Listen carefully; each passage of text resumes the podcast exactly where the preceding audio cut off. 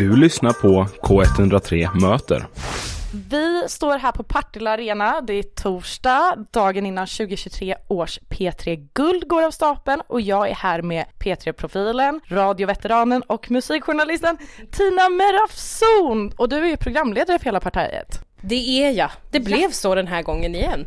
Just det, för det här är väl sjätte gången du gör det? Ja, det är så lyxigt. är det lika nervöst nu som det var första gången? Eller vänjer man sig? Alltså, eh, och jag ska också bara säga det att jag tyckte det är så lyxigt menar jag som i att det är så lyxigt för mig, inte som att det, åh det är så lyxigt. Nej men, eh, men apropå nervositet, jo men det är mer nervöst för mig i år och det är för att jag egentligen, jag har ju, jag har inte gjort galan i egenskap av programledare på ja, vad är det, två, tre år nu liksom.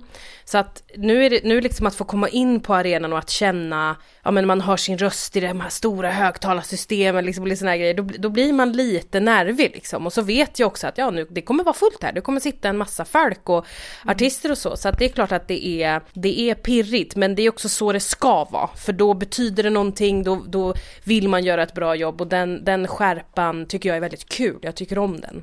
Hur hade du beskrivit P3 Guld?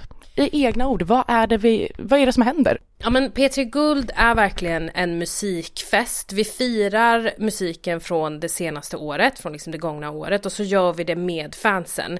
För det här är verkligen fansens gala. Det är visserligen en, en jury, en kompetent jury som väljer ut de nominerade, men det är fansen som bestämmer vem det är som vinner. Så det är också det som är det väldigt så fina för artisternas skull också, att det betyder någonting för dem, någonting extra för dem att vinna P3 Guld om de väl gör det eftersom det, det är liksom framröstat av ja, men deras egna fans. Jag tänker vad gäller just priserna så är det ju nytt för i år att vissa kategorier har tagits bort, andra som jag förstår har slagits ihop och sen har nya tillkommit. För det har ju väckt en del känslor hos vissa, statyetter i soptunnor och så vidare. De som vet, de vet. Men jag tänker du som ändå är musikjournalist, eh, hur ser du på valet att göra om de här priskategorierna och vad innebär det? Ja men eh, till en början så tänker jag att det är klart att man kan reagera på att oj nu, nu tas det bort grejer men, men i grund och botten, alltså den, vad ska man säga, den musikpolicy som Sveriges Radio har och som P3 Guld ju också har i och med att det ingår under, under samma tak så att säga, så är det ju fortfarande exakt samma. Vi, vi hyllar den svenska musiken, vi har ett krav på oss att bevaka bredden och förstå förstås att också lyfta fram bredden med svensk musikliv. Så det kommer göras även om ja, men specialgenrekategorierna inte finns kvar. Mm. Även om vi har färre kategorier nu så är det ju desto fler som blir nominerade i varje kategori så då, då, då täcker vi in det, eller vi ska täcka in det. Eh, men det är klart att det, sånt där är ju svårt och när man är på utsidan. Det är lätt för mig att säga för att jag vet det här och det, där är det också liksom viktigt att vi är tydliga när vi kommunicerar att vi ändrar lite. Det jag är extremt glad över är dels den nya priskategorin som är årets album. För att jag tycker att album, det är en sån kollektiv insats och det, det tar så himla mycket från artisten i fråga att göra ett album. Ehm, det är verkligen en konstform så det tycker jag är så himla fett att vi plockar upp nu och verkligen hyllar. Eh, sen eh, med det andra nya priset P3 Ikon känns också riktigt, riktigt kul för att många av de här artisterna som vi spelar på P3, som jag intervjuar, alltså det är ju folk som jag träffar tidigt i deras karriärer.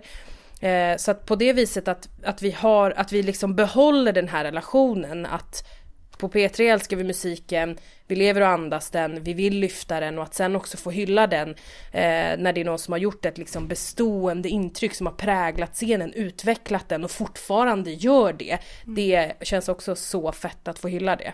För nu innebär ju det att det är ju enbart sex kategorier. Mm. Men de är ju rätt breda. Men känner du trots det att det är någon typ av genre, musikstil av det som spelas på P3 som trots det hade kunnat få en större typ representation i P3 Guld? Känns alla inkluderade? Nej men alla ska vara inkluderade, så är det ju. Eh, så, att, så där känner jag inte, alltså kravet på hur vi jobbar är ju förstås samma. Sen är, det ju, sen är det ju klart att vi lever i en musikvärld som är väldigt trendkänslig. Den är väldigt digital, det kommer och går trender och sådär. Så att det är klart att det finns ja, men subgenrer, det finns liksom små avstickare här och var, inte så små egentligen, som, som kanske inte eh, blir det allra största. Men det betyder heller för den delen inte att den inte är betydelsefull för liksom scenen och för vårt musikliv här i Sverige. Så att, eh, men, men det är väl klart att, att eh, det är ju stora kategorier, det är stora priser, men, men det gör det för den sakens skull inte sämre tycker jag.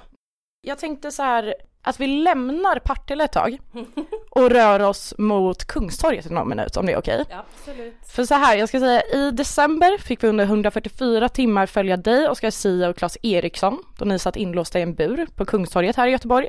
Och då får jag ge lite kontext, då det annars låter jätteobehagligt så var ju anledningen till detta att eh, ni var programledare för 2022 års Musikhjälpen och det är ju väldigt relevant för oss på K103 eftersom det i år var i Göteborg. Jag ska säga jag var där och såg det. Ni var jätteduktiga.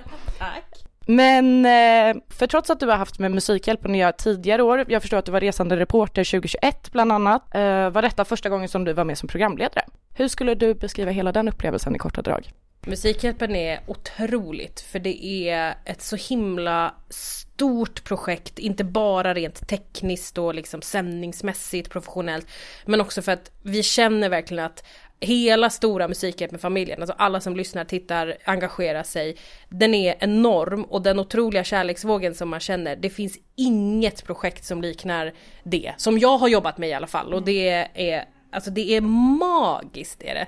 Vad är ditt bästa minne från i år? Åh oh, gud det är så svårt. det kan jag tänka mig.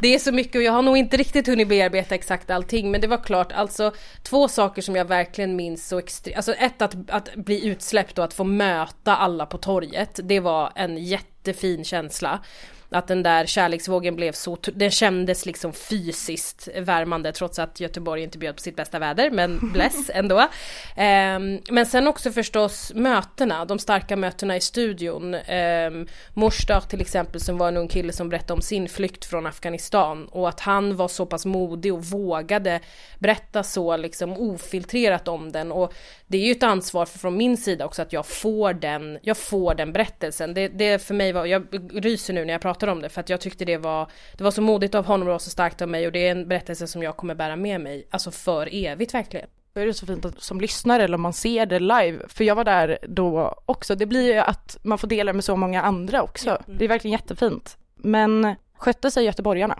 Ja då, göteborgarna skötte sig alldeles utmärkt. Jag känner mig typ som en göteborgare för jag är här så ofta. Så att, eh, men toppen bra och jättefint och jag hoppas verkligen att, att Musikhjälpen återvänder hit fler gånger. Ja det hade vi tyckt var kul också.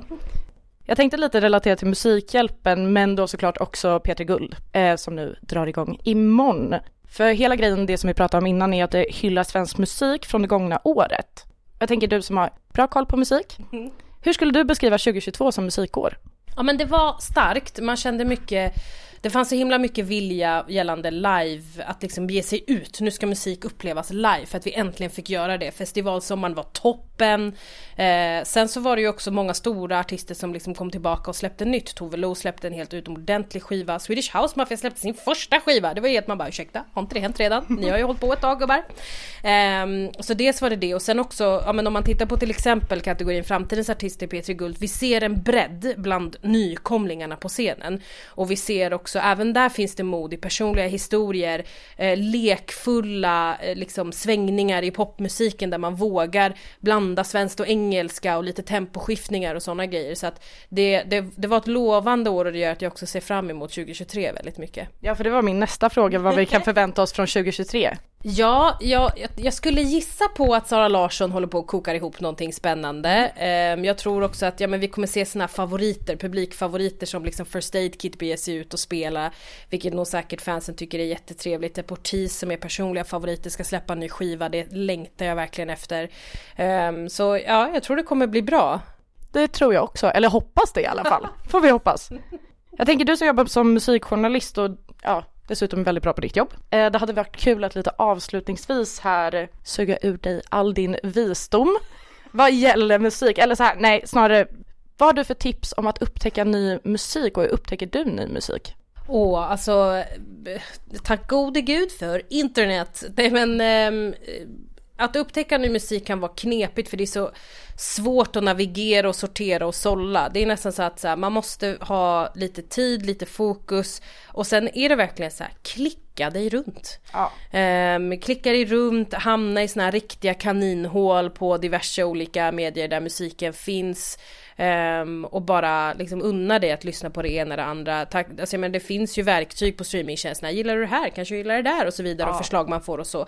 Och alltså även om jag är musikjournalist, det är så jag också hittar nytt eh, förstås. Så att eh, jag säger bara unna dig typ, inte vet jag, en timme om dagen på kvällen och bara scrolla runt. Sen har ju vi på P3 ja. massa listor också förstås. Just det. Så att om man, om man vill veta vad vi, några av oss profiler lyssnar på, vad vi hittar för grejer så är det bara söka på P3 Sveriges Radio i din streamingtjänst så hittar man våra listor. Alltså jag tänkte på det, vad fan gjorde folk innan internet? Och också, alltså jag tänker det... Skivbutiker i hjärtat, det fanns Nej. sådana. Vadå, vad är det? vad är det? Nej, men jag tänker också, jag hittar ju all min nya musik på Spotifys de här Weekly Discover. Det är mitt tips, bara kommer jag på nu. Gud, där finns det bra grejer. Bara överlag, är det någon eh, artist som du tycker vi ska ha lite extra koll på i år eller bara? Bara lite? Ja.